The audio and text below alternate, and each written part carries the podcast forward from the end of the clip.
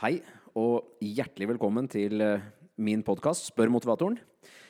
Nå tenkte jeg du skulle få høre den andre delen egentlig av eh, den samtalen jeg hadde med Ole Einar Bjørndalen når vi møttes eh, i bobilen hans på, utenfor Ikea på Hamar for en liten stund tilbake. Så her kommer noen spørsmål. Nå var det sånn at vi satt der under litt spesielle forhold. Både det regna noe fryktelig, og det hører man godt i en bobil. Så det er litt sånn eh, klipt og satt sammen, dette her. Men uh, det viktigste er jo egentlig at man får høre hva mesteren sier og mener om ting, og det gjør han uh, så absolutt på det du skal få høre nå. Kos deg. Du har altså vært i da uh, Hvor mange OL er du vært med i? Du, seks. Seks OL. Og så får du ikke være med i det sjuende, og så, og så, og så ser man utenfra Men du har jo vært med på så mye. Men, men hvor, hvor, viktig var dette OL-et her for deg, hvis du sammenligner med hvilke som helst av de andre OL-ene, liksom? Det var like viktig som alle de andre OL-ene, og like viktig som mitt første OL. Jeg var like motivert for å prestere. Så var det en del skjær i sjøen som skjedde i forkant. Jeg er fortsatt helt overbevist om at jeg kunne tatt medalje i OL. Eh, og jeg er uh, uh, Jeg har jo perioder som ikke er så veldig happy med meg sjøl. At jeg ikke klarte å stå imot riktig valg gjennom sommeren og høsten. Hadde noen problemer med helsa, men jeg kunne ha løst det på en annen måte. Og det er dumt å begynne å være sur og gretten på seg sjøl for at en tok feil valg. Man tar valg i, i nuet, og det må man stå for. Eh, og så er, er, vi veldig etterpåkloke alle sammen, og det, det, er jeg også, som alle andre. Eh, så, så, det vil nok eh, svi ei stund. Og det må jeg leve med, og det skal jeg klare. Og det at jeg har prestert bra før og liksom Ja, ja, du kunne ha fått vært med, men jeg, jeg hadde ikke ønska vært med i OL bare for å være med og være til stede. Hadde jeg reist dit så, og jeg hadde følt jeg hadde vært i form, da hadde jeg stilt opp og, og, og prestert bra resultater. Men jeg rakk ikke kvalifiseringen, og eh, det var andre utøvere som fikk muligheten, så dem eh, var bedre enn meg i kvalifiseringen, og dem eh, fortjente den plassen. Og det, det, det er surt å se, men det er litt sånn toppidrett er. Den dagen måtte komme, og den kom på meg også. Og toppidrett er dessverre litt svart-hvitt.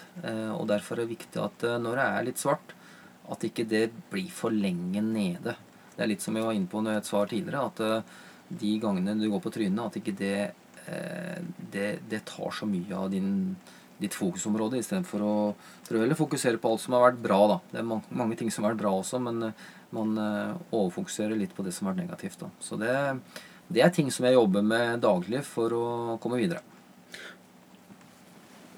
Jeg er sikker på at du må bruke et eller annet veier opp mot det. Selvfølgelig har du familie og sånne ting, men hvis du tar, hvis du tar kanskje For dette jo, er kanskje et av de eh, dypeste øyeblikka i idrettskarrieren din. Hva har vært det aller beste? Hva er, liksom, hva er det Jeg kan gjette hva det er, men hva er liksom det, hva er det aller beste du har opplevd i idretten? Det er udiskutabelt uh, mitt første OL-gull i Japan. I Nagano 1998, det er eh, klart det eh, kuleste opplevelsen jeg har hatt. Eh, det å Jeg husker løpet som det var i går. Jeg husker forberedelsene hele høsten. Jeg husker faktisk den siste samtalen jeg hadde med deg, Øyvind, før jeg reiste bortover. Jeg var livredd for å gå på flyet, for at når jeg hadde bestemt meg for å gå på flyet, så, så hadde jeg ikke noe valg tilbake, for da måtte jeg bare gjøre det vi hadde planlagt. Det var en sånn greie som vi hadde. Eh, og når jeg kom bort så gikk det som vi hadde planlagt. Selv om det ble et løp som ble avlyst dagen før, og så måtte jeg gå og løpe om noe nytt. Og jeg fikk ny mulighet, skyte ti treff og gikk på et, eh, kanskje et av mine beste løp noensinne. Det er vel liksom kuleste, råeste opplevelsen jeg har som, i, i idrettsminnet når det gjelder sånn råeste prestasjon akkurat der og da. Og så var det veldig viktig for eh, idretten vår. Idretten vår var litt sånn litt nede. Eh, det var ikke så populært å holde på med skyting, men eh, Halvard Hanvold vant OL-gull på 20 km. Jeg vant 10 km, og så vant vi en sølvmedalje. Så liksom det var et, et perfekt OL for norsk skiskyting. Og det starta vel litt eh, karrieren, at vi fikk det som vi ønska det. Du har sponsorer, og det har du hatt masse av opp gjennom årene nødvendigvis. Hvor, hvor, hvor viktig er det der samarbeidet du har hatt med de? Samarbeidet med sponsorer har eh, vært egentlig helt avgjørende for at jeg kunne ha satse sånn som jeg kunne. Eh, både økonomisk, men også utviklingsmessig. Jeg har hatt eh, noen partnere som har vært med meg i over 20 år. Og dem er ennå med. Og dem har også vært med på prosjekter som jeg har hatt gående utenfor det normale systemet. For meg så er det viktig å ha noe som altså kan påvirke min utvikling.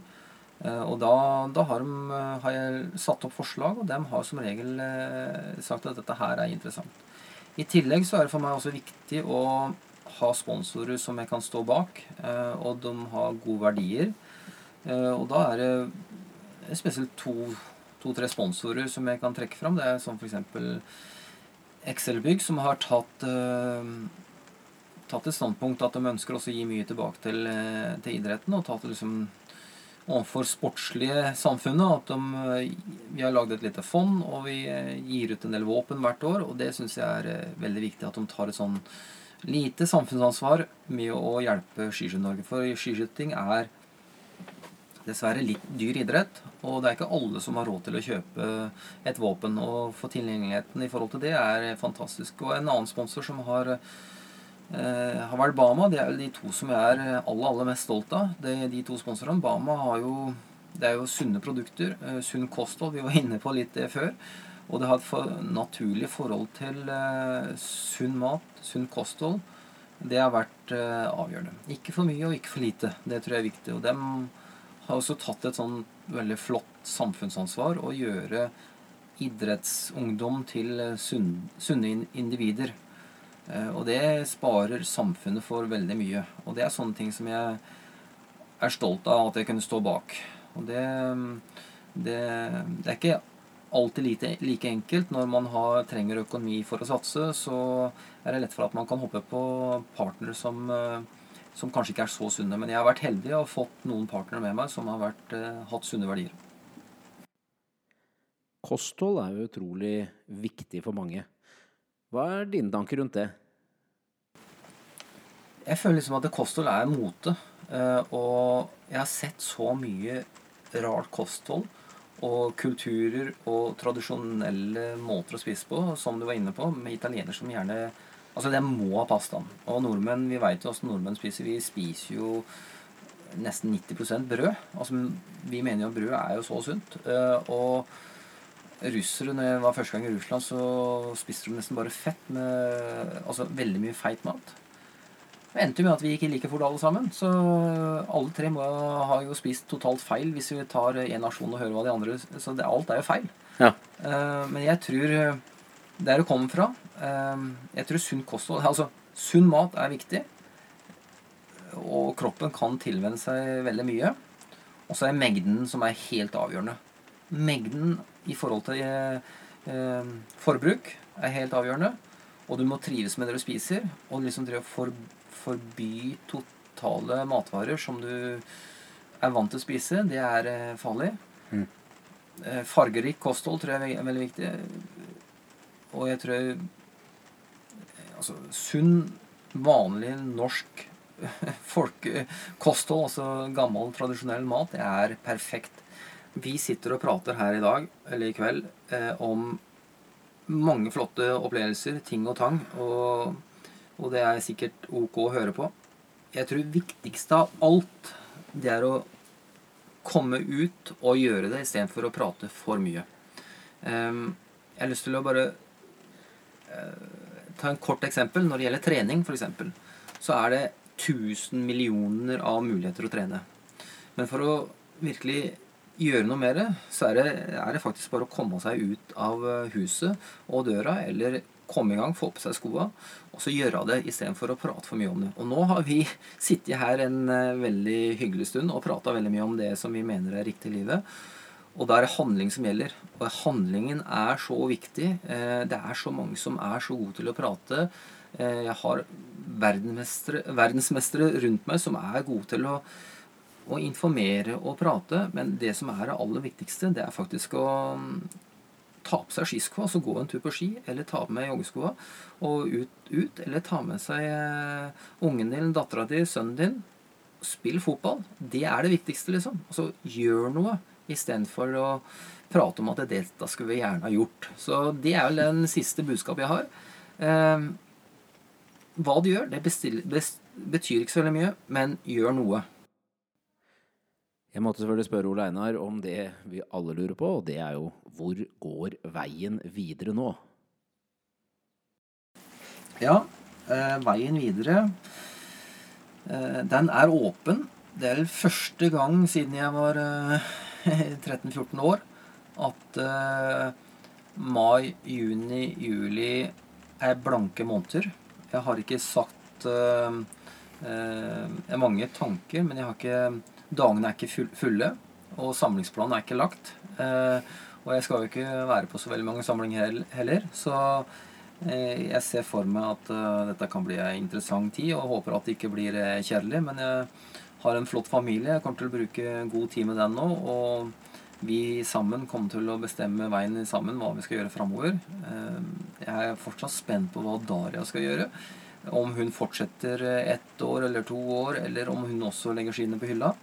Vi har en liten uh, smurf hjemme nå, Xenia, som uh, krever uh, litt mer enn det vi er vant til fra før av. Og hun er moro å følge nå. Hun har Hver dag er liksom Hun vokser og er kreativ og er Vi syns jo dette er verdens smarteste unge, da. Det gjør vel alle foreldre. Så det er spennende å følge med, og vi har lyst til å følge med den ungen framover.